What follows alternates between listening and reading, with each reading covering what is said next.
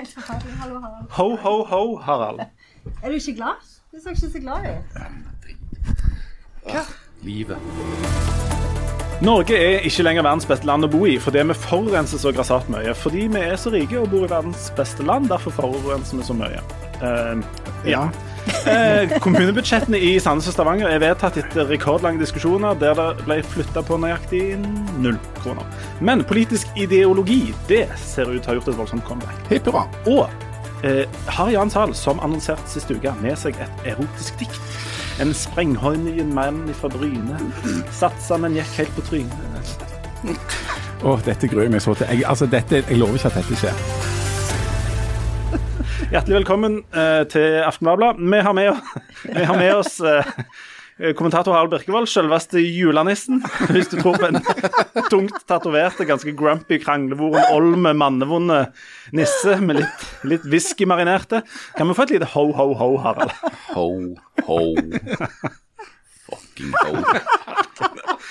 Professor Janne Stigen Drangsholt, sist jeg så deg, var du på, på satt du var litt på gråten i en bokhandel i Stavanger fordi alle gikk rundt og kjøpte alt som var i den butikken.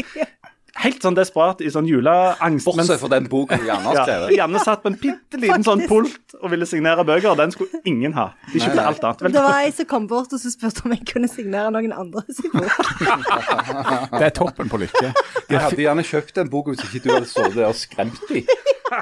Det fins nesten ingenting tristere enn å sitte på sånn boksignering i en bokhandel. Altså, det har jeg gjort sjøl uten at det kom noen. Og den som har gjort det sjøl, er selveste eh, Jan Zahl. Eh, mannen som er, er ekstremt hedenske. Han skal feire jul, det skal han, men eh, gå i kirka? Nei, det skal han ikke. Pinnekjøtt skal du ha. Og julepresanger skal du ha. Men leser du juleevangeliet for ungene dine på julaften? Absolutt ikke. Nei, men.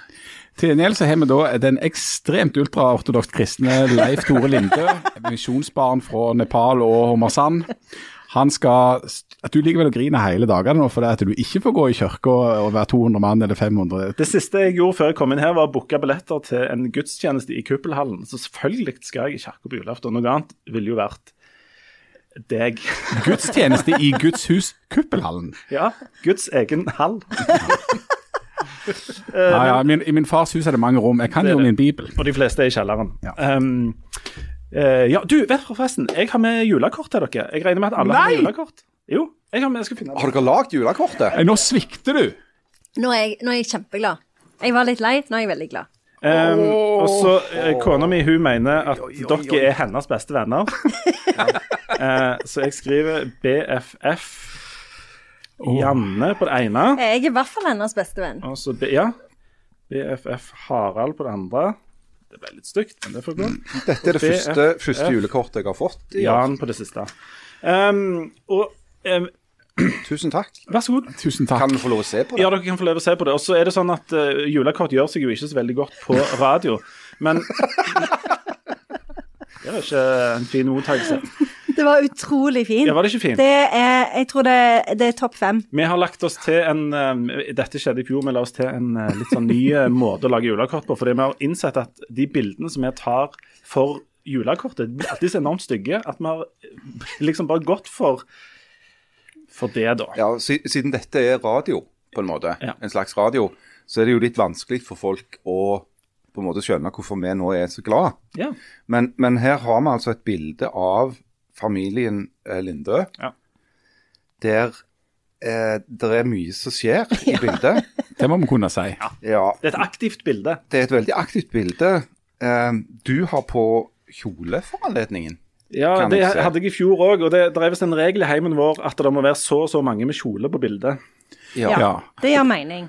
Også det, men det som er også veldig flott, i tillegg til den kjolen som vi da kan si er, går i julerødt, altså det går i julens farger dette her, det er julens uh, gensere og julens kjoler. Det er julaftenkjolen til kona. Det er julaften kommer til kjolen, ja, eller hvordan det blir.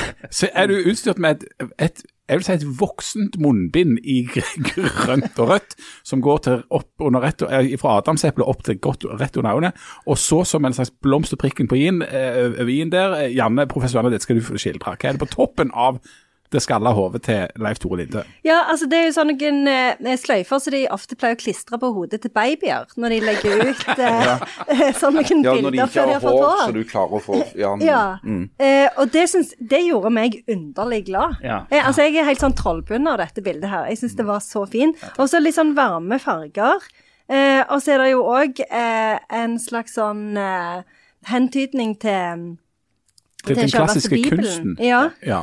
Ja. Altså, Jeg, jeg ser jo et sterke erotiske overtoner her. Ja, men det her- ser du i, i på en måte et halvt horn moste skinke. Eller hva det skulle være. Jeg er veldig spent på hvor du ser det erotiske Ja, altså, her. du har jo her Michelangelos skapelsen, en, en nokså litt sånn rar reproduksjon av, av dette kunstverket fra Det Sistinske kapell Ja. eh, i bakgrunnen.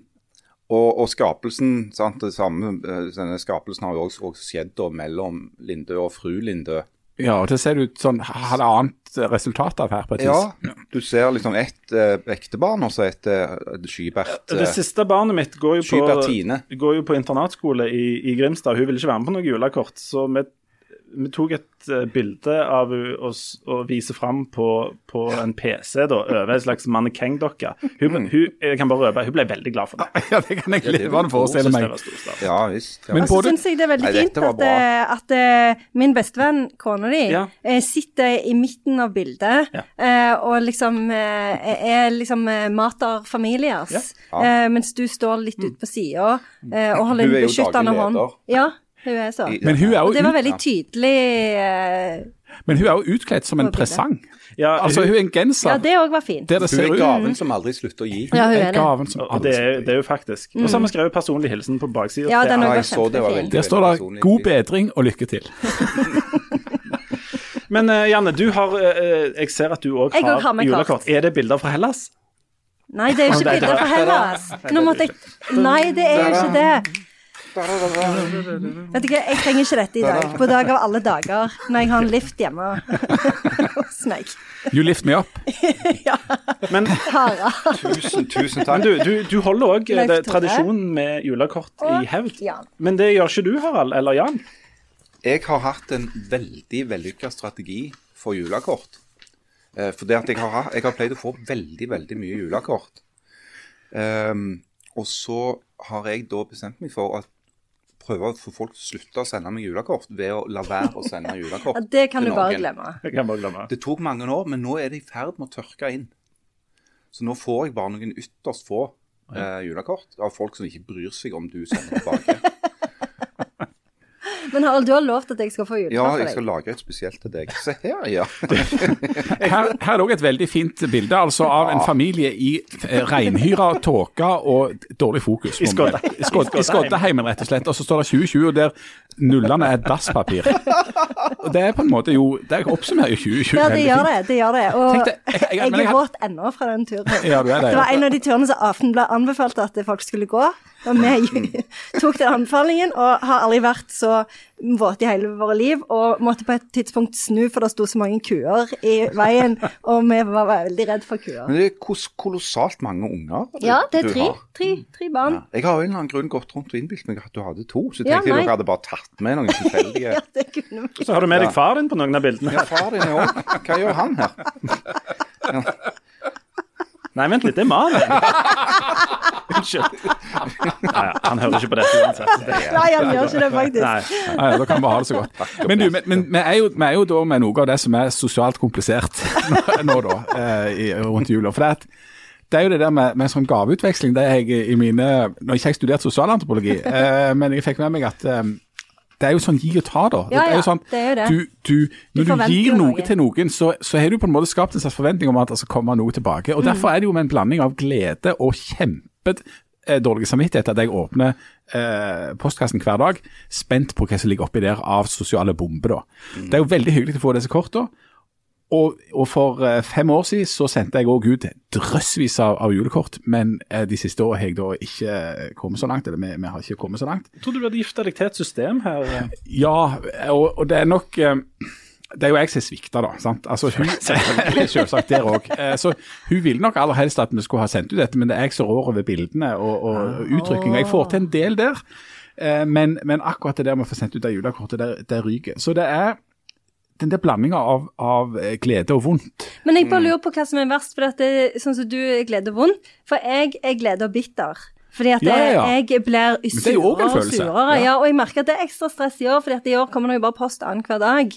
Så det bygger det seg opp en sånn forventning om at nå skal postkassen være full av julekort. Og så langt har jeg fått ett eller to nå. Men sitter du sånn Vi har faktisk sendt til de, så Ja, jeg gjør det. Gjør det? Hisser meg opp. Ja. Sånn at eh, når eh, 24. desember har kommet, så er det bare stress og bitterhet igjen. hos meg. Ja, ja, Men, men, det, men det er veldig godt å høre for oss som sitter i the receiving end her, at uh, det, det er en blanding av godt og vondt å høre dette. Ja. Det er på en måte uh, godt å høre at du òg har noen vonde følelser. At ikke bare jeg ser det fælt. Eh, og så er det jo selvsagt litt vondt at du blir så bitter over at du får ingenting i retur. Ja, men jeg, jeg lover jeg skal ta med et, et eller annet til Ja, neste uke. Sånn, du, du roer deg litt ned. Men, Men altså, det, det er jo, det er jo, du er jo et eksempel da på de folka som, som holder ut, som biter tennene sammen og sender ut disse Mm. kortene til folk som ikke sender tilbake. Det må jo være et eller annet med denne bitterheten du koser deg litt med òg. Ja, men det er nettopp det. Men det jeg tror det er for jeg, jeg tror det er mest at jeg er, ikke er så veldig sånn at jeg har ikke så veldig god hukommelse. Så hvert år så tror jeg at nå kommer jeg til å få kjempemange Nå kommer julekort tante Toril tilbake. til å sende, ja, endelig. og så gjør hun aldri det. Eh, og da blir jeg eh, bitter for, eh, like bitter for hvert år. Men når jeg så den Grinchen i går. Eh, Med ungene. Eh, og så tenkte jeg nå skal jeg bli et mye bedre menneske fra i dag. Ja. Fordi eh, nå skal jeg være sånn som ikke bryr meg om eh, jeg får, om jeg får noe tilbake eller ikke. Eh, nå skal jeg bare gi og gi. Eh, det, det er Ja, ja, Det høres ut som du var drukket en del når du tenkte dette. Men, men, men altså, julekortet Julekortet er jo da bare en sånn forvarsel på det som er en enda større sosiale bombe som kan oppstå på julaften. Det er jo hvis du får gaver av folk, Åh. Og så har du ikke gitt ja, noe til deg selv. det er grusomt. Det er mest vondt.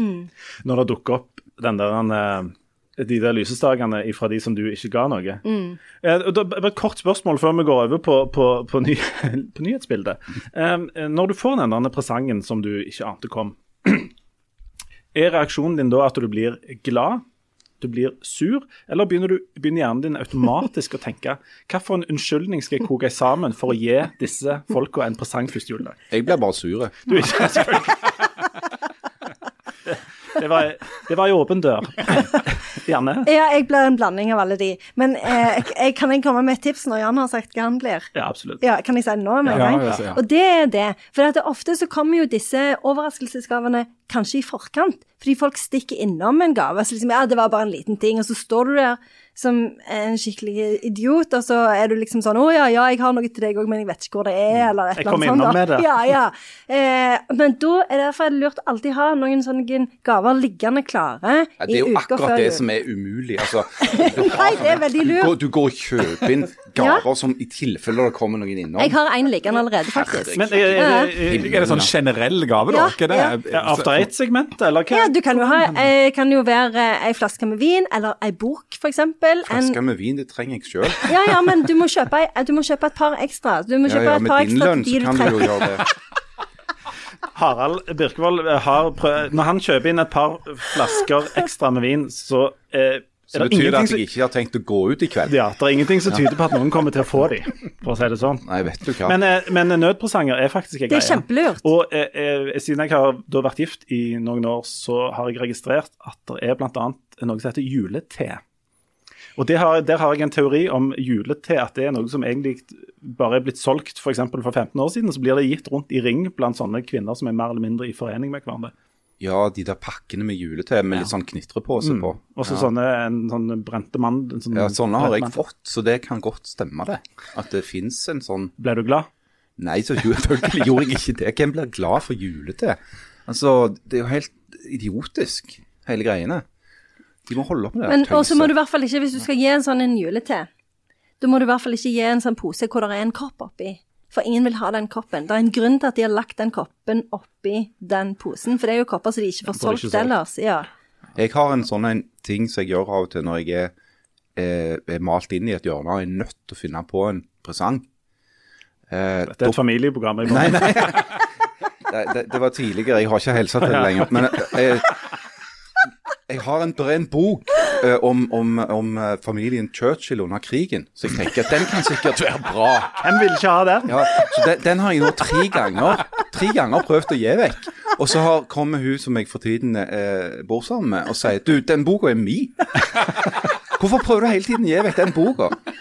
Og jeg har en eller annen forestilling om at det er jeg som kjøpte den, men det er visst ikke det. Det er ikke Så, så tre ganger har jeg vært nødt til å pakke den ut igjen, litt sånn slukkøra, og sette den tilbake i hylla. Du bør handle deg opp på noe sånn julete så du kan, eh, så du kan gi til folk. Uh, all right. Uh, med, før vi går løs på, på det, altså, det har skjedd ganske mye denne uka, her, så jeg har rett og slett tatt meg den frihet å forberede en liten kortsvarrunde, sånn som de gjør på, på, når de har prøve på videregående. Et par korte svar, og så noen lange etterpå. Kjempebra. Jeg trodde at det, sånn prøver på ungdomsskole i hvert fall, og videregående var at det var noen veldig korte svar, så var det veldig mye eting av snop og kjeks og drikking av, av energidrikk etterpå. Det er lov å bruke alle hjelpemidler. Kan jeg svare sist på kvelden? Kommer- de, de blir, det blir personlig eh, Jeg må jo stille deg rundt omkring, da. Men denne uka her så ble altså, så ble bestemte Stavanger kommune seg for å bli den første som innfører et røykeforbud på bussholdeplasser, idrettsanlegg, badeplasser og friluftsområder. Eh, hva syns vi om det? Er det jeg eller nei? Jeg syns det er en kjempegod idé. Fordi du, du ikke røyker sjøl? Ja, fordi at jeg har slutta å røyke. Så det jeg syns alle andre òg bør gjøre det. Alle skal ha det like fælt som deg. Ja, jeg ser ingen grunn til at de ikke skal det. Er det noen som er sterkt uenig med Harald der? Altså, Jeg er jo en, en fanatisk antirøyker, så jeg er jo Men du kjempeglad for alle sånne diktatoriske liberale på Ja, det det, jeg- for Min første innskytelse er at dette er kommunisme. Når det blir regulert akkurat hvordan du skal oppføre deg, og hva du skal ha i lommen, og hvordan du skal puste på et Du eh, trenger ikke stå og røyke på små unger på en bussholdeplass. Det kan du bare slutte med. Jeg har aldri røykt, så jeg vet ikke at du, visste ikke at du røykte på små unger. Men eh, Du står og så puster de inn i øynene med det det du trekker inn noe voldsomt fra en hulekinn, og så, står, så går du bort til et barn, holder i ørene, og så blåser du alt du kan i ansiktet på det. Greit. Det syns jeg ikke du Ja, men Det er bra at det ikke blir noe av, så da kan jeg for en gangs skyld støtte kommunisme. Jeg er enig med Med, Med siste taler. Ja. Ja, du er jo kommunist. Du, Jeg stemmer hørte at, i, jeg hørte at i San Francisco, den eh, tidligere så liberale byen på vestkysten av USA, så er det nå, skal det nå bli forbudt å røyke hjemme. Ja. Det er helt sant. Ja, det er jo i hvert fall en god regel. Det begynner å gå litt langt. Nei, det synes jeg ikke, Altså, selv om du bor alene for deg selv i ditt Ja. eget hus, Ja, ja, men noen skal jo ha det gjerne huset etterpå. er Skal selge det. Ja, men det er du, Ok. ditt hus akkurat nå. Ja, det ble altfor ikke mer. Nå ble det en veldig interessant ideologisk diskusjon. Ja.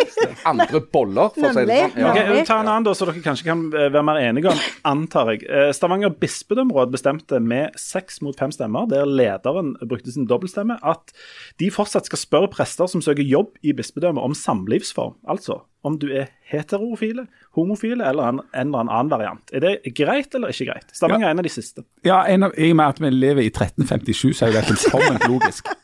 Det er jo de mørke middelalderen, men det må, det må vi insistere på, uansett hva slags tall det står i på kalenderen. Jeg er vel mer av den oppfatning at hvis vi skal holde oss med sånne sekter eh, som kirke og andre, så, så må de jo få lov å, å være sekteriske, tenker jeg. Altså, hva, Men da, da får de uten statsstøtte, da, håper jeg. Ja, altså, vi gir jo statsstøtte til alle slags løgnersgreier. Ja. Så, så jeg klarer ikke jeg, jeg er veldig sånn i tvil om det der. Altså, Religion er jo per definisjon irrasjonelt. Så hvorfor skulle de ikke få lov å være irrasjonelle? Ta den helt ut når du først skal, når vi Ja, først skal holde på med dette. Altså, Vi hadde holdt oss jo med en statskirke, det har vi slutta med. Eh, nå er det jo skilt. Ja, Dessverre er det jo blitt frivillig å tro på Gud nå. Det er Ja, det er dessverre det. forfall. Det er bare midlertidig. og, og da tenker jeg at Det er bare det jeg tar over. Altså, jeg syns jo det er helt uh, veldig, veldig rart Ja. uh, å, å blande seg opp i hvem folk ligger med. Men tross alt så er jo dette her et religiøst samfunn, da. Uh, så jeg tror ikke Altså, vi ville jo ja, ja, jeg kunne gjerne for, for så vidt synes det er underholdende hvis vi hadde begynt å stille lignende krav til muslimske menigheter. Ja, for jeg si at Hvis du, hvis, du syns, ja, hvis du syns det er OK med sånn religiøse praksis, så er det ingen grenser for hva du da skal si nei til. For eksempel, ja. Ja, det kunne blitt ganske løye. Janne, du får bestemme eh, ja eller nei til å spørre prester om hvem de liker. og- Jeg synes at da må de òg, Hvis de er kvinner, så må de òg spørre dem om de har tenkt å bli gravide i nærmeste framtid, og så si at de ikke får jobben hvis svaret er ja. Det er et kjempeforslag. Først og fremst sortere ut damene, så får vi ta de andre etter hvert. Ja. Neste spørsmål. Eh, håndballjentene er videre til semifinalen i EM. Så håndball, flott idrett eller hys? Nå, jeg, jeg fikk ikke med meg spørsmål. Du er så rask da. Håndballjentene Ja, ja, ja. de har nok gått videre til semifinalen i EM. Og jeg lurer på om håndball skal regnes som idrett, eller bare som en hys. ja. For du kan jo ta noen skritt. Ja. Ja. Ja, da er det jo ikke hys, hvis du kan ta noen Du skritt. mener idrett, Harald? Det er jo på ingen måte idrett. De har, det er hands, og de har ikke offside. Det er ikke idrett. Ikke idrett. Jan? Couldn't care less. Couldn't care less. OK. Uh, Joe Biden er vel endelig da formelt sett valgt til president av disse valgmennene i USA. Tror dere Donald Trump noen gang kommer til å gratulere Biden med seieren i Jan Sahl? Nei. Nei. Nei, det tror ikke jeg heller. Det kommer aldri til å skje. Og så noe som vi snakket om litt sist uke. Dplay har altså bestemt seg for å legge ut igjen 'Nissene over skog og hei'. Denne serien som ble fjerna pga. påstått blackfacing. Men de utstyrer episodene med advarsel om at dette altså ble lagd for lenge siden, altså 15 år siden. eller noe sånt.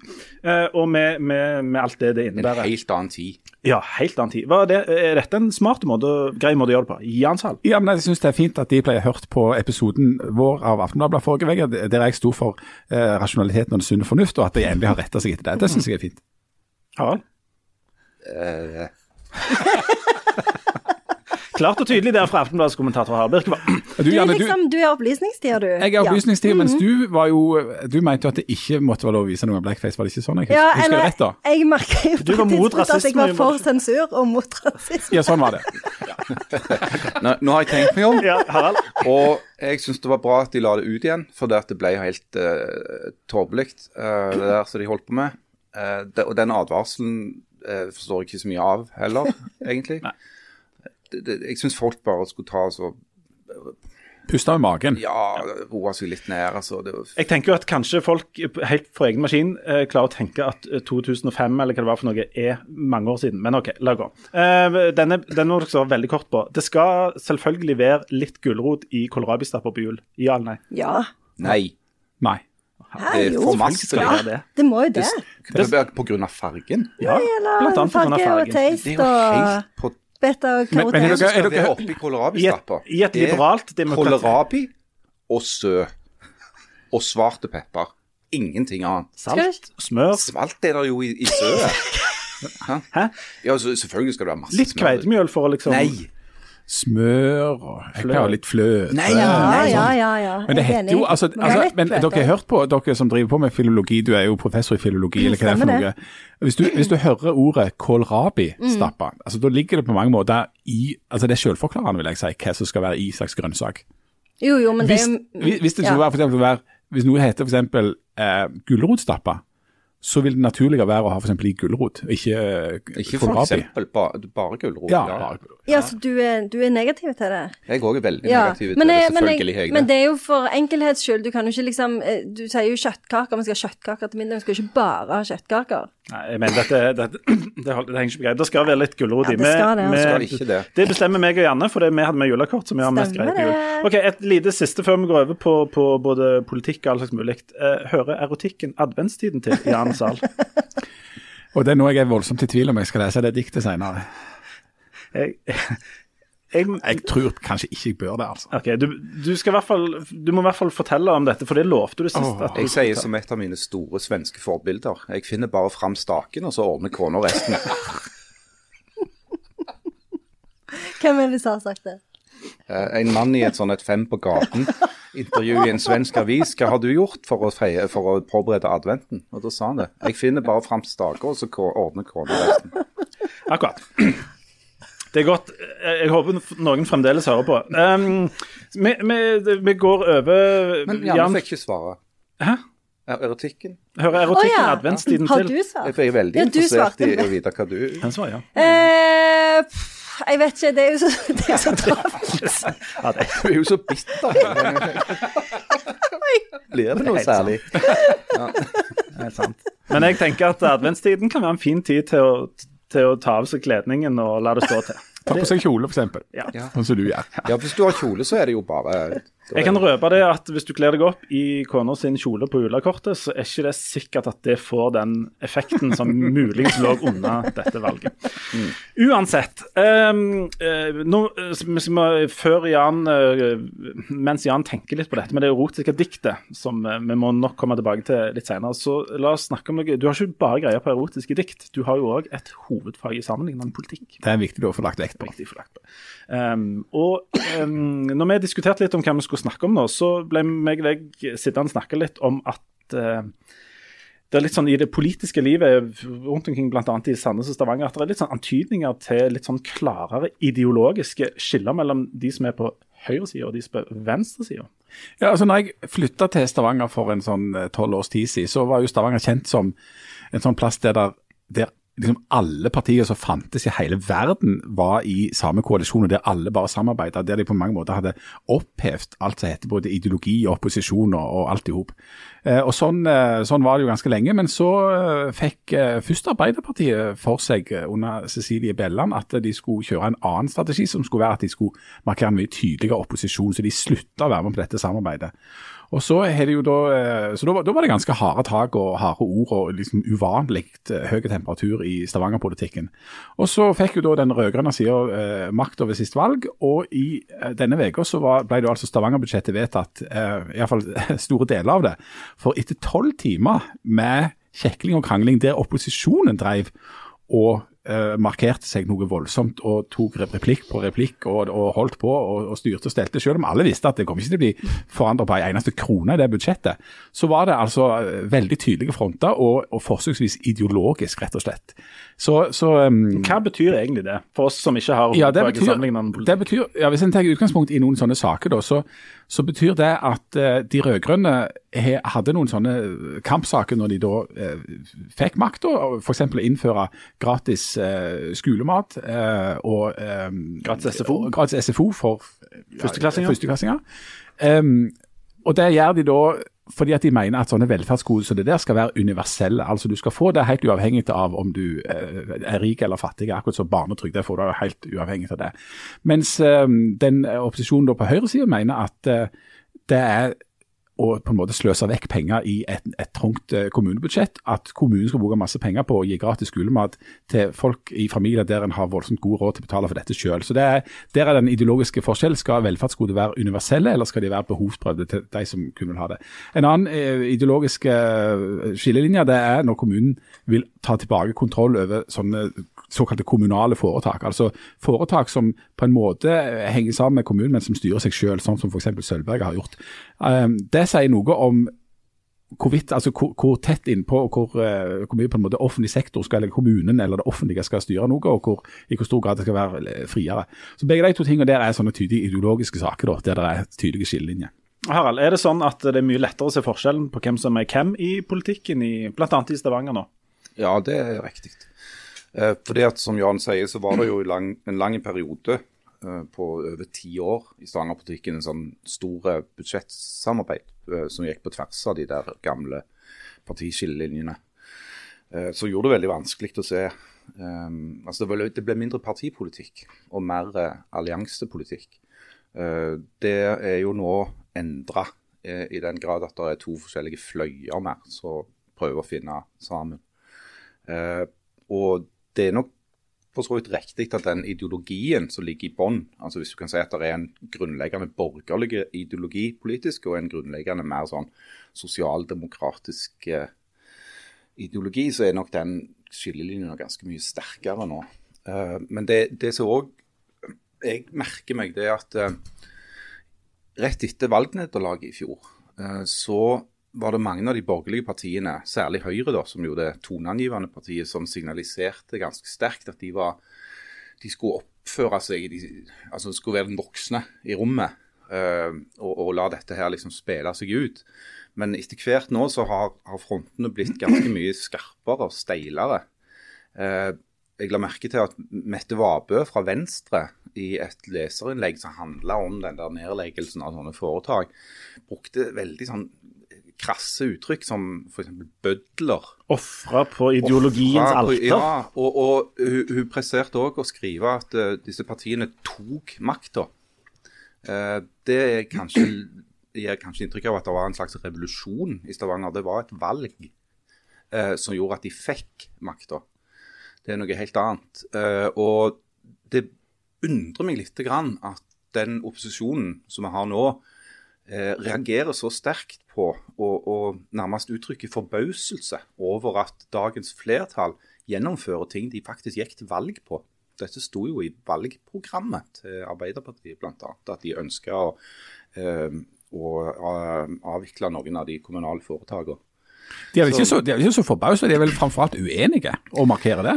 Eh, ja, uenighet Da, da vil jeg jo ha formulert det, det er jo I såkalt opposisjon, kalles det jo. Det er jo å, være i, å ha en annen mening. Ja, men, men, Poenget er at det, det, er veldig mye forbauselse. Ja, det er sånn, denne her dis, Diskusjonen om, om f.eks. nedleggelsen av Greater Stavanger-selskapet ble òg varsla i veldig god tid. Eh, men allikevel så ble hver eneste gang dette var oppe til politisk behandling, så ble det liksom framme eller formulert sånne ting som at dette kom nærmest som en, et, et bakholdsangrep, som lyn fra klar himmel. Eh, det gjorde de jo i rettferdighetens navn ikke, da. Eh, men det kan jo være noe bra med det òg, tenker jeg. At det blir tydeligere ideologiske politiske forskjeller. Det, blir, det gjør det lettere for velgerne å se hva, hva de enkelte partiene står for, tenker jeg. Men i Sandnes der har en stadig vekk oppheva alle politiske tyngdelover. For der har du den bisarre koalisjonen av Arbeiderpartiet og Fremskrittspartiet mm. som sitter og styrer. Still going strong. Still going strong. Der, det, der, der, kan det jo ikke finnes noen form for ideologi. I Sandnes er det vel bare en sånn eh, diskusjon om for eller imot eiendomsskatt hele tida, er det ikke det? Det er i hvert fall sånn jeg Og det, det har vel ramla av noen fra samarbeidet der òg, har det ikke det? Sånn budsjettmessig? Jo, det har det. Men det er jo en, fortsatt en, en solid Eh, altså Det er en styringsdyktig flertall i, i bystyret i Sandnes, bestående da av Arbeiderpartiet, Senterpartiet og Fremskrittspartiet eh, og FNB.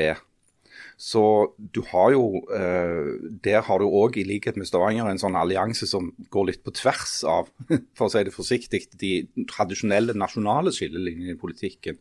Men, men, det som nok har vært veldig effektivt i Sandnes, det er òg å eh, å gå til valg på en politikk som handler om å sette Sandnes i sentrum. Uh, særlig fordi at det er en sånn konstant uh, Make Sandnes great again? Make, ja, altså, det, Stavanger er nå i grunnen der hele veien, som en sånn konstant ytre trussel, om du vil. Som det er relativt lett å samle folk rundt. Uh, men, men, Sandnes har jo òg nå sine utfordringer, da, kan vi si. med Janne? Med gjeldsgrad og ja, Janne og, og, forskjellige ting. Ingenting. Band ingenting. Sånne ting. Familien Ingebrigtsen. Altså, det er jo mye. Ja, de. Ja, de har mye å stri med. Så, så det, men det året har du jo selv om du ikke har den samme ideologiske konflikten som i Stavanger, så har du jo en helt klar konflikt mellom posisjon og opposisjon, og ganske høy temperatur i den politiske debatten. Men du, jeg, jeg, Som ikke har eh, vitnemål på dette, er det, er det sånn at på, jo mindre plassene er, jo mindre sånn type konflikter og, og tydelige skillelinjer er det. Altså, hvis du kommer til Bjerkreim og Suldal, og sånn, er det litt mer sånn at alle partiene jobber mot et felles eh, stort og godt mål, og at det er mindre sånn kjekling, og at dette er et tegn på at Stavanger er en ganske stor by? Eller? Ja, altså i, ma i mange av de, de kan man si, klassiske utkantkommunene i Rogaland, uh, da vil jeg jo i likhet med Nordmannutvalget som vi snakket om forrige uke. Ah, Se på Suldal, Hjelmeland f.eks., som er sånne klassiske distriktskommuner. Så er det jo eh, en voldsom dominans hos ett parti, da, eh, Senterpartiet. I, I, Sauda har de jo til og med rent flertall. I Suldal og Hjelmeland er veldig nær å ha rent flertall. Så der blir det jo en litt annen politisk dynamikk. Det er liksom hvem er det Senterpartiet vil ha med seg. Eh, og disse, disse utkantkommunene har jo òg ofte en veldig sånn klart definert ytre fiende. Enten den heter Oslo eller eh, Stavanger eller hva det nå er. Så handler det om at de eh, med rette da kan påstå at de hele tiden blir urettferdig behandla. Så relativt et politisk prosjekt som det er ganske greit å samle folk rundt. Men altså, Vi har skrevet mye i Aftenbladet om harmonimodellen her i området. altså Den der harmoniske tilnærmingen til politikk, pragmatisk. Du ordner ting på bakrommet, du ja, samarbeider på tvers av partigrensen og sånt.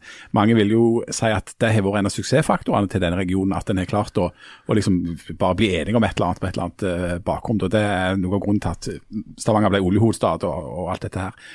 Um, og så har vi kritisert noe derfor det at det har vært litt sånn lukka rom, og du får ikke fram de reelle konfliktlinjene. Er vi da der vi vil være nå, når det da er en tydeligere ideologisk diskusjon, en tydeligere, tydeligere politiske fronter? Det blir i det minste mer interessant. Jeg har, blir jo ofte frista til å sammenligne Stavanger og Bergen, siden det er de to byene jeg har bodd mest i. Uh, og i Bergen så har de jo den veldig sånn tradisjon... Der er det ikke harmonimodellen? Nei, ikke akkurat med harmonimodellen. altså der, der, krangler de jo om alt. I Bergen krangler de om alt hele veien. Og, og den bergenske politikken blir stadig vekk gjensøkt av skandaler i mye større grad enn vi har eh, på våre kanter.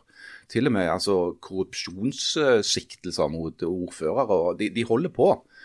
Eh, og så har, er det noen som sier, særlig populært på vår kant, at det, det er jo den samarbeidsmodellen og den eh, harmonien eh, som har gjort at vi har klart oss så godt på våre kanter. Men så ser du opp til Bergen, så de klarer seg ganske godt, de òg.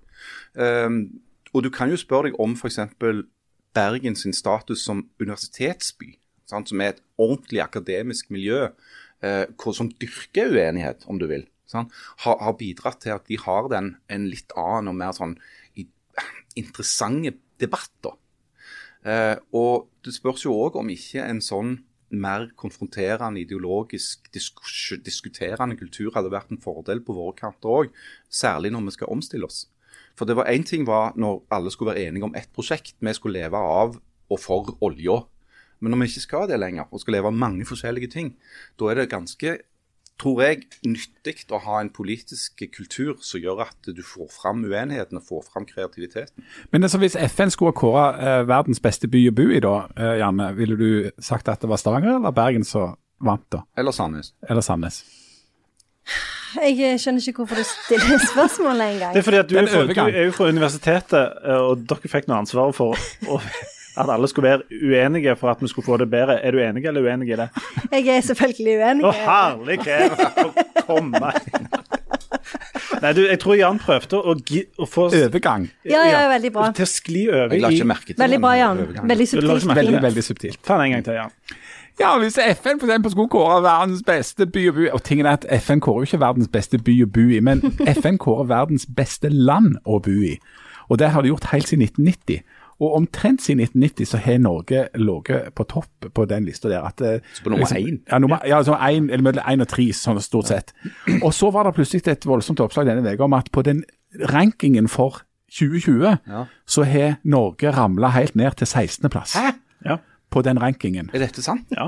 Nei, det er ikke sant. Jo, men altså, Det er sant at det var et oppslag om det, men det er jo ikke sant. men det, er både, det er både sant og, eh, og ikke Men sant. vi er på 16.-plass nå. Greia er at, eh, at denne FN-organisasjonen som heter UNDP. UNDP, eh, de har rangert dette strengt tatt på to forskjellige måter. Det ene er hvilket land er best å bo i. Altså hvor har vi det best? Og, da, og det, og der, de mål, der, de mål, da er hvor lenge kan du forvente å leve i dette landet, hvor mange års skolegang har folk, og ehm, hvor eh, hvordan er bruttonasjonalproduktet, altså hvor mye på en måte penger det er. Sånn at I praksis måler du altså levealder, utdanningsnivå og, du, Og velstand. og, velstand, og helse og sosial, eh, egentlig når du ser på levealder. sant? Så det er, er en del variabler som går inn der. Der, um, På tross av det som ble meldt denne uka, så ligger Norge på topp i 2020. Og vi med nummer én? Med nummer én. Oh, ja. Så det, det, det har vi jubla for. Men eh, så har de gjort noe nytt, et lite eksperiment, disse folka i FN. Og det er at de har lagt til en eh, miljøfaktor. Altså klimaavtrykk. Klimaavtrykk. Så når du eh, for Som om det skulle ha noe å si for lykken vår. Jo, men si at det Vi forurenser jo alle andre plasser enn i Norge. Vi selger jo eh, vår til. Til USA, f.eks. Jeg reiser for eksempel alltid over i Sandnes kommune for å rense der. Men si at du da er en høyt utdanna person, um, sitter midt i velstanden på Sand i Sandnes f.eks., og er kjempelykkelig. Ja, sant? Eh, hvis du legger til uh, det som vi tilfører verden, altså da forurensning, så er vi nede på Var det 16? 16.-plass. Ja, men dette er bare tull. For I Stavanger så har vi jo gjort alt etter boka. Vi brenner båset vårt i Sandnes. Vi brenner flybensinen vår i Sola. Og nå skal vi sende cruiseskipene ut av Vågen. Til Da, da er det ikke, ja, til Randaberg, hvor som helst. Da er det ikke mer forurensning igjen i Stavanger. Men er ikke det en fair deal å ta med miljøavtrykket vårt når vi skal regne ut hvor vellykka og, og, og gode vi er, da? Jo, for de tar jo med det fremtidsperspektivet, da. Ja. Eh, og det er jo kjempeviktig i disse tider. Men det som jeg syns er interessant, det er, jo- det er jo bare noen av disse artiklene som rapporterer om denne her lista, som sier at eh, mø, altså mesteparten av grunnen til at vi havner på 16.-plass, er at eh, vi bruker så mye sand, grus og stein når vi bygger ting. Betong, Og, blant annet. ja, og det, og det er jo veldig interessant. Jeg syns at vi får for lite info om hva som ligger inn i dette her eh, miljøperspektivet Hver av oss må ha vårt eget sånn grusregnskap. Ja, ja. Men, men på hvilken måte er det vi havner ned fordi vi bruker grus og stein? Nei, er, jeg Norge vet består ikke. av grus og stein. Ja, eller, betongproduksjonen lager jo utrolig mye ja, det er jo nettopp det. Og det er jo faktisk noe som det er eh, er enormt viktig å gjøre noe med. Og det er jo veldig mange eh, kommuner i Norge som burde tatt tak i det, eh, og faktisk lage en sånn en resirkuleringsordning eh, på alle disse her byggprosjektene sine. Så, så det syns jeg det burde jo bli slått opp mye større, sånn at vi faktisk gjør noe med det, og ikke bare er kjempesure for at vi ligger på 16.-plass. Harald, du har brodd opp med teknikken. Teknikken, ja. Ja, og det, det her Hva er teknikken for de som ikke vet det av oss? Det er rett der med Harald. Teknikken er, ligger på Våland, rett ved siden av uh, sykehuset. Ja, hva slags eh, og var teknikk den er det gamle snakk om? tekniske høgskolen i Stavanger. Nemlig. Og denne, denne skolen, eh, Nå skal det jo gjøres mye oppe med sykehuset, der og sånn, men denne uka har det blitt, også blitt diskutert litt om For den skal rives? Eller Ja, er de er i ferd- med å rive den. Ja. Eh, og Miljøpartiet De Grønne tok, har bl.a. midt under rivinga selvfølgelig, Ja, ja, selvfølgelig. tatt til orde for at eh, den burde ikke vært reven, den burde vært brukt på ny. Ja. Og Det er jo en sånn måte å minske vårt felles miljøavtrykk. Bruke den gamle raben, fikse den opp, og istedenfor å bygge nytt. Ja, det har sikkert det mye for seg, det. Men uh, som en som har vært da nærmeste nabo til teknikken i nesten 23 år, så kan vi si at det er ikke mange av de som kommer til å savne den. Uh, det var jo burstygt, det der greiene. Men Så det- sånn det er klart estetisk sett så er det verdt å la verden gå til helvete. Ja, er jeg tenker stygt det. et Såpass må det må kunne ofre. Ja. Ja, og Men- estetikk er jo ganske viktig Ja, er i å ha det godt. Og, Men, hvis vi Men det er klart de kunne fikse den opp. Ja, og så kunne vi hoppet forbi f.eks. Singapore eller Belgium eller et eller annet. De som lå rett foran oss på den lista. Er Ikke Belgium. Dette er Belgium. Til Belgium, ja. Det er han Anne Leopold som eier det. Eh, men eh, men det, er no, det er jo noen sånne interessante eh, Jeg vet ikke om det er paradoks, men det er for noen interessante ting det går an å reflektere rundt når det gjelder denne verdens beste-kåringa. Fordi at eh, For det første så, så er det jo sånn at Norge blir jo ikke et mindre dårlig land å bo i av at det er et Nei, det var det jeg også stussa på. Det, det, jo, det, liksom, det henger ikke opp sånn. Du kan ikke si at, at Norge er på 16.-plass i verdens beste land å bo i fordi at vi, vi har et klimaavtrykk. Um, sånn at den, den gjelder fremdeles at den er på førsteplass. Så er det jo det at det at Norge gjør det så veldig godt på den rankingen der, det henger jo veldig tett i sammen med det klimaavtrykket. Det har jo noe med at vi har pumpet opp denne olje og gassen. Det er det som finansierer at det har blitt verdens beste land å land i. Det, å bo det er liksom som å si at det, nei, dette er ikke en bra plass å bo i fordi at dere lever av slavehandel. Ja. Det har jo ikke noe å si. Det, er jo det landet hvor de stjeler de slavene som er dårligere dårlig å bo i. Dessuten ja. er det dårlig for slavene. Det mener jeg vi må ha med. det er jeg helt enig i. Det vil jeg òg anføre. Men, men altså, det er veldig rart å så hive inn det der klimagreiene Ja. i en sånn Og Det minner meg om en annen artikkel som sto på trykk her i Stavanger Aftenblad på mandag, tror jeg det var, av Erik Tunstad, som er biolog og noe så sjeldent i norsk sammenheng som vitenskapsjournalist, som har veldig bra peiling på det, som, som eh, satte opp noen av de, av de dilemmaene rundt det. For dette, det å da leve et godt liv, eller liksom kunne eh, ja, bli løftet opp og ha, ha gode vilkår der, det handler bl.a. om energibruk. sant? At du har elektrisitet, at du har masse sånne ting. Og så, Når du da begynner å sette opp det mot en del sånne klimating, så kommer du opp i noen interessante dilemmaer. Sånn som i Afrika, da? Der, eh, der en sliter på mange områder. Han sier at altså, elva Kongo, eksempel, den er verdens nest største elv. Hvis du hadde lagt demninger der og lagt energi ut av det, så kunne du ha gitt energi til hele Afrika. Men det gjør du ikke av miljøhensyn, for det ville hatt store, store miljøkonsekvenser. Men det betyr jo da at store mengder av Afrika fremdeles lever i en voldsom fattigdom, og ikke kommer opp på det nivået i velstand og i godt land å leve i som vi eh, bor i. I Sør-Afrika finnes det eh, masse olje som du kunne fått opp med sånn fracking, men det blir stoppet pga. klima- og miljøhensyn. Men det betyr igjen at de folka da har det dårligere. Så det er jo ikke enkelt det der med å si nei, du får ikke energi, du får ikke, vi skal ikke bruke, eh, vi skal ikke gripe inn sånn og sånn fordi at dere skal få det bedre det er veldig lett for oss å si oppe i Norge, da, for vi har det jo kjempegodt, for vi har jo punkter på alt dette. Altså, den der eh, diskusjonen rundt hvem skal få energi, hvem skal få eh, ta del i denne velstandsutviklingen, og hvor, hva for noen hensyn skal veies opp mot hverandre, det er ikke bare enkelt. Men det er, Men, men det var vel òg en del av grunnen til at de tok med dette miljøhensynet. fordi at det får eh, tydeliggjøre en del sånne forskjeller mellom fattige og rike land i verden. Det var vel òg for oss å i kjent eh, FN-tradisjon få eh, de rikeste landene til å få litt dårlig samvittighet. Tror du ikke det? Men vi lærte jo vi, altså, og jeg fikk det. Jeg fikk det med en Med en gang. Ja, jeg fikk det med ja, en ja, gang. ja. Mm. Det er så mye samvittighet, du. Men jeg har nesten ikke reist med fly i hele år, fordi, av, fordi jeg tok hensyn til miljøet. Altså. ja, for du har tatt det aktive valget og ikke reist til Hellas. Men eh, vi, hvis vi lærte noe altså Dette er jo den nye måten å drive kolonisme på. Eh, Det at vi som allerede har forurensa i 70 år, vi nekter de andre å forurense. Og det fører jo til at vi er mye lykkeligere enn de. Så der mener jeg vi har, er inne på et godt spor. Kan vi konkludere med det? Ja. Eh, vi, må, vi, vi må eh, gi oss eh, oh, men kan jeg anbefale noe? Du kan anbefale noe. Du må være rask. Vi Ja. trenger ikke, gi gjøre så fort. Det var bare en sånn, Jeg oh, ja, pekte på klokka bare- som en antydning om at vi må liksom tenke på at nå skal vi nærme oss noe. vi må jo okay. ha en skikkelig anbefaling. Ja. Vi skal ha en skikkelig avslutning med, med mulig og erotisk dikt. Men Janne, først uh, må du anbefale Jeg, jeg anbefaler den der nye filmen som har kommet på HBO med Meryl Streep, den der Let Them All Talk. Har dere sett den? Nei. Den Hun spiller en sånn en, eh, forfatter som har vunnet en sånn pris i Europa, og så skal hun ta Hun tør ikke fly, eh, så så hun tar et cruise sammen med nevøen og så venninnene sine, Candice Bergen og Dianne West. Og den var så bra, den filmen. Eh, han minner litt om den The Trip, den der BBC-serien. Uh, og uh, han var løyen, han var rørende. Han framkalte alle følelsene. Hele, jeg ble sint, jeg ble bitter, Just. jeg ble alt. Ja. Si en gang til hva han heter. Han heter. Let Them All Talk, og det er med Meryl Streep. Og hvis du går inn på HBO, så kommer han opp med en gang. Og kan jeg anbefale en ting til? To ting. For nå har jo Taylor Swift kommet med enda en ny plate siden Folklore. sist. Folklore. Ja, men nå har hun også kommet med Evermore. Evermore. Nei. Ja, hun kom med ei til. Hun var sånn Jeg var ikke ferdig. Jeg slipper ei til. Den òg veldig bra. Anbefales. Det virker som du er Taylor Swift-fan. Mm. Hva slags følelser eh, bringer den opp? Er det de samme? Sinne? Alle de samme som den glede. filmen. Sinne, glede, bitterhet, eh, eh, melankoli, eh, lykke, alt. Omtrent som en julepresang der, altså. Mm. All right. En julepresang hvor du har kjøpt en tilbake, sånn at du vet at Ja. du kommer ikke til å Og ikke en julepresang som består av en sånn kopp med sånn te. Nei, og heller ikke en sånn julepresang hvor motparten har kjøpt sin egen gave. Ja, det er egentlig ikke en presang, mener jeg. Men OK. Um, eh, Jan, vi må få dette med dette erotiske diktet ut av verden. For det, Hvorfor er du så motvillig til å lese dette diktet? Er det, du har skylda på at det er for langt. Det er jo en kjent, et kjent triks i erotikken å skylde på at noe er for langt, men det, du slipper jo på en måte ikke Ja, altså, ja.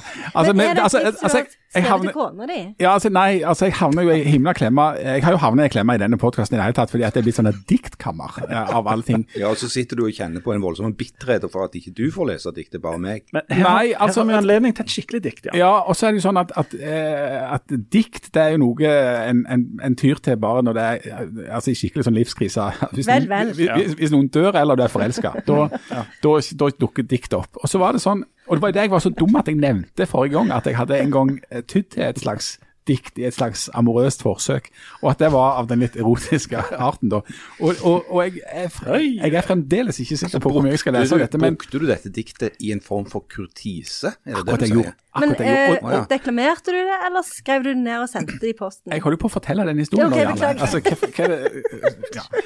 Tingen er at eh, jeg um, Kom til poenget, som du sa. var på en måte Jeg trodde at de likte at det tok en stund før du kom til poenget. Fortell nå Det må liksom varmes litt opp, sant? Du kan ikke bare gå rett på punchline. Da skjer det jo ingenting. Jesus Christ, behersker dere ikke det mest grunnleggende innenfor dikt? Altså, jeg, jeg drev og kurtiserte ei. Um, så var tingen det at eh, jeg bodde i Oslo, og hun bodde i Stavanger. Vi, og, det var litt sånn tidlig, eh, tidlig fase, dette her. Um, og så eh, Ja, så var det ja. Og så hadde jeg ved en tidligere anledning så hadde jeg vært en plass der jeg hadde hørt en sitt Nils Øyvind Haagensen, som som jeg kjenner og kjente. Eh, som jeg liker veldig godt. eh, som er veldig flink til å skrive, og annet dikt. Og han leste opp et dikt, og så eh, var jeg jo sikkert en slags livskrise som gjorde at eh, dette syns jeg hørtes storest ut. For det var enormt eh, liksom, ja, eh, flott, eller hva skal jeg si. Og så skulle det være på Blå i Oslo, som var en uteplass i Oslo, der skulle det være sånn direktesending på P2. Der eh, det skulle være sånn oppsummering av året og sånt. Og der annet Nils Øyvind Hågensen skulle komme. Og jeg visste at han skulle lese det diktet. Og så visste jeg om hun her borte i eh, Stavanger, som jeg var i en tidlig fase med. Og så, så sa jeg til henne at du vet du hva, du må gå inn og så må du høre på P2 i dag, imellom den og den timen. For jeg skal, jeg skal være der i rommet, og der skal han Erne Nils Øyvind Hågensen skal lese det diktet. Det diktet er ganske flott. Det, Det er liksom det likte jeg godt. fra meg til deg, liksom. Nei, du, ja, jeg, vet ikke, ja, jeg vet ikke om det er fra meg til deg, men, men, men, eh, men det var nå et dikt. Og det diktet det står i Nils Øyvind Haagensen diktsamling 'Enkelte dikt' i 2003. Og jeg kan ikke ha kjent hun her så veldig mange ukene, egentlig, men, men um, Var det på, kan jeg bare spørre deg, var det, var, var dette, Skjedde dette på et tidlig erotisk stadium ja, i dette ja, forholdet? ja, det, nei, ja, det er jo hun jeg er gift med nå. Um, så, så, så vi var jo godt voksne. Uh, men, Dette er et familieprogram. men um, ja. Men hun, hun rigga seg til da for å høre på dette her. jeg, skal, jeg skal fortelle om hvordan det gikk etter at jeg har lest. Okay. Okay, Jeg skal begynne, og så får vi se hvor langt vi går. Dette er flott. Det er altså i, i for diktsamling enkelte dikt, og, og liksom alle dikter starter med at det heter enkelte et eller annet. Så den, dette diktet her heter Enkelte oppvåkninger. Og Nils Øyvind Haagensen han leser det på sunnmørsk. Jeg vurderte en stund om jeg kunne lese det på sunnmørsk. Det er jo skrevet på Bokholm, men jeg leser det på jærsk, for da høres det ut som det er meg. Enkelte oppvåkninger. Du ligger i senga, du er våken. Du strekker deg etter lysbryteren på nattbordet, men stopper fordi du plutselig vil noe annet. Du vil kysse Hanna. Du vil kysse kona di som ligger på sida av deg i en gammel pysj. Nei, i ei for stor T-skjorte, ei av dine. Nei, i et slips. Hun har bare et slips på seg, og du blir, hva heter det, kåte. Og det her er jeg usikker på om jeg bør stoppe.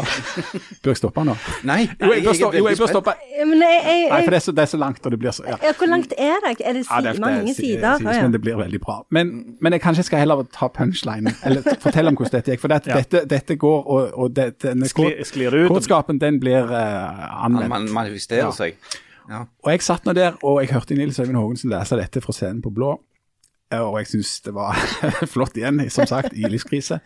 Og så etterpå så så liksom var jeg, jeg venta liksom spent på Jeg, jeg, jeg sendte meg tekstmelding rett etterpå, så jeg, var, ikke det, var ikke det et uh, kult dikt? Så kom, Brum, brum. så kom det ikke noe svar. Å nei. Uh, og så sendte jeg tekstmelding til Ja, hørte du Og så tenkte jeg, var det feil dette? Eller noe sånt. Fremdeles ikke noe svar. Og så hørte jeg ingenting. Så gikk jeg hjem den kvelden. Fremdeles ingenting. Ikke noe livstegn. Jeg prøvde å ringe, ikke noe. Å nei! Så jeg bare tenkte ah, At dette gikk veldig, veldig veldig dårlig. Og så neste morgen, da sendte hun tekstmelding om at hun hadde sovna før programmet begynte. Hun hadde ikke hørt noen ting. Så hele Nils Øyvind Haagensen sitt erotiske dikt Det bare gikk ut i eteren. forsøk, det gikk ut i eteren til en slags tomhet, og du nådde aldri fram til Stavanger. Ai, ai, ai, ai. Vi er nødt til å gå inn for landing nå. Så er spørsmålet om du eller eh, Harald Birkevold skal få æren av å lese eh, klimaks i dette Eller altså, avslutningen, eller hva det heter, på dette diktet. Um, Ja, men er det liksom Er det en sånn punchline-aktig Ja, ja, til slutt er det jo det. Det er på veldig langt, men det er veldig langt. Så, Ja. så um, men vi, vi, siden vi har begynt å avslutte med dikt, så tror jeg vi skal gjøre det nå òg. Skal vi ikke det? Eller har du, du kan, bare, du, kan, jeg, du, kan egentlig bare, du kan jo egentlig bare liksom fade ut på et eller annet tidspunkt. Ja, jeg skal gjøre det. Og så må vi bare si det at vi er tilbake allerede bitte lille julaften, uh, for de som uh, vil høre mer. Stakkarene. Da Da- blir det Aftenbladet julespesial. Veldig julete. Da får dere vite om uh, Janne gir presanger til håndverkerne sine til jul, uh, hva, hva Jan kjøper til kona, uh, hva Harald skal drikke på julaften, og om han klarer å finne noe mat til, Skal og vi så og videre. ha noen sånn gjerne mattips? For jeg syns det var veldig Ja. bra det der med kålrabi og alt det der. Ja, for det er jo det folk trenger på Ja, dette det er jo julaften. det. Det er jo trips tips om hva de skal spise dagen etterpå. Og det er ikke alle som liker Hellstrøm sine tips. Nei. Så altså, jeg tror vi, vi er tilbake allerede på, på tirsdag, tror jeg. Bitte lille julaften. Ja, da kan vi love at det ikke blir noen erotiske dikt. Ingen erotiske dikt. Men i dag derimot avslutter vi med uh, erotisk dikt, og Jan kommer til å lese helt til han eh, blir Og jeg så flau bli at han ikke klarer Jeg kommer til å bli så rød og flau av dette her at det er godt dere ikke ser meg. Snakkes neste uke. Ha det. Du kysser nå først beskjedent, truter den tørre munnen din bare så vidt, finner fram til øreflippen og halsgropen hennes, og så fukter du leppene dine, så åpner du munnen, så tar du for deg kinnene, nesetippen, øynene og det ikke-eksisterende adamseplet. Hun begynner å våkne, kroppen hennes glir ut av søvnen som en sånn farkost med seil, hva heter det igjen? Seilskip? Nei, seilbåt. Hun glir ut av søvnen som en seilbåt over blankt vann mot ei tomme strand, og du tar rundt den og ruller deg oppå, sier at eh, det er de strand, sier at det er varmt i sanden, sier at du vil ta henne i slipset i sanden. Oh, så blir det bare Litt der. Kom her. Litt her. Bare så dere vet det, nå eh, leser Jan resten av diktet, og eh, dette blir, eh, dette blir friskt etter hvert, så Men det blir bra. Hør etter. Du holder rundt rumpa hennes og snakker inn i øret om slipset som ligger mellom brystene, om slipset som liksom tar av fra halsen og nedover sånn Hva heter det når en tar av? Fly, ja. Sånn et fly tar av. Og visste du at noen flyselskap har monitorer inni flyet som viser takeoff? Du kan se ut av vinduet, eller du kan se på skjermen, og hun stikker tunga inn i deg og ber deg holde kjeft og knullene. OK! Du knullene pga. i går, noe som skjedde i går som du ikke husker ennå dere var. Hvor var dere? I et rom fylt til rand av mennesker som heter Fest. Fest heter det. Dere var på fest, og du drakk gin og lime juice, mens hun, mens Hanna, mens kona di ramste opp alle plassene hun ville gjøre det, opp mot et tre, under en, et, en båt på stranda, på et tilgrisa toalett på et sakte tog gjennom Serbia, og alt du vil, sa du, er å få en Hva heter den igjen? Når du bare bruker hånden. En håndjobb i en engelsk drosje med The Independent bretta ut i fanget. Hva heter det, spør du. Hendene rundt rumpa og stemmen din i øra. Hva heter det jeg gjør med deg? Knulla, sier hun. Det heter knulla. Det heter skikkelig deilig. Det heter hvis du slutter nå, så dreper jeg deg. Nei, nei, sier du. Hva heter det andre jeg gjør med deg? Det jeg gjør hele tida, òg når vi ikke knuller, når du leser aviser, når du spiser lunsj, når du bruker opp alt varmtvannet, og når du er lenge uten, ute uten å si ifra, uten å ringe. Hva heter det? Det heter det samme, sier hun. Det heter skikkelig deilig. Det heter hvis du slutter nå, så dreper jeg deg. Du husker svaret du spurte om elsker var det rette verbet. Og nå husker du svaret hun ga deg. Du husker slipset mellom de to hva, hva? De to brystene. Du husker tunge i munnen din, du husker den varme sanden i kroppen hennes. Du ligger i senga, du er våken, men du trenger ikke åpne øynene. Du vet at det er hun som ligger på siden av deg, og du vet at inni henne finnes det varmt vann. Inni henne finnes det telefonbeskjeder som forteller deg hvor hun er, og når hun kommer hjem, til dine armer, til dine substantiv og verb. Det var jo kjempefint. Oi, oi, oi. du var kjempeflink ja, å lese det. Er ikke det fint Mm, det var veldig fint.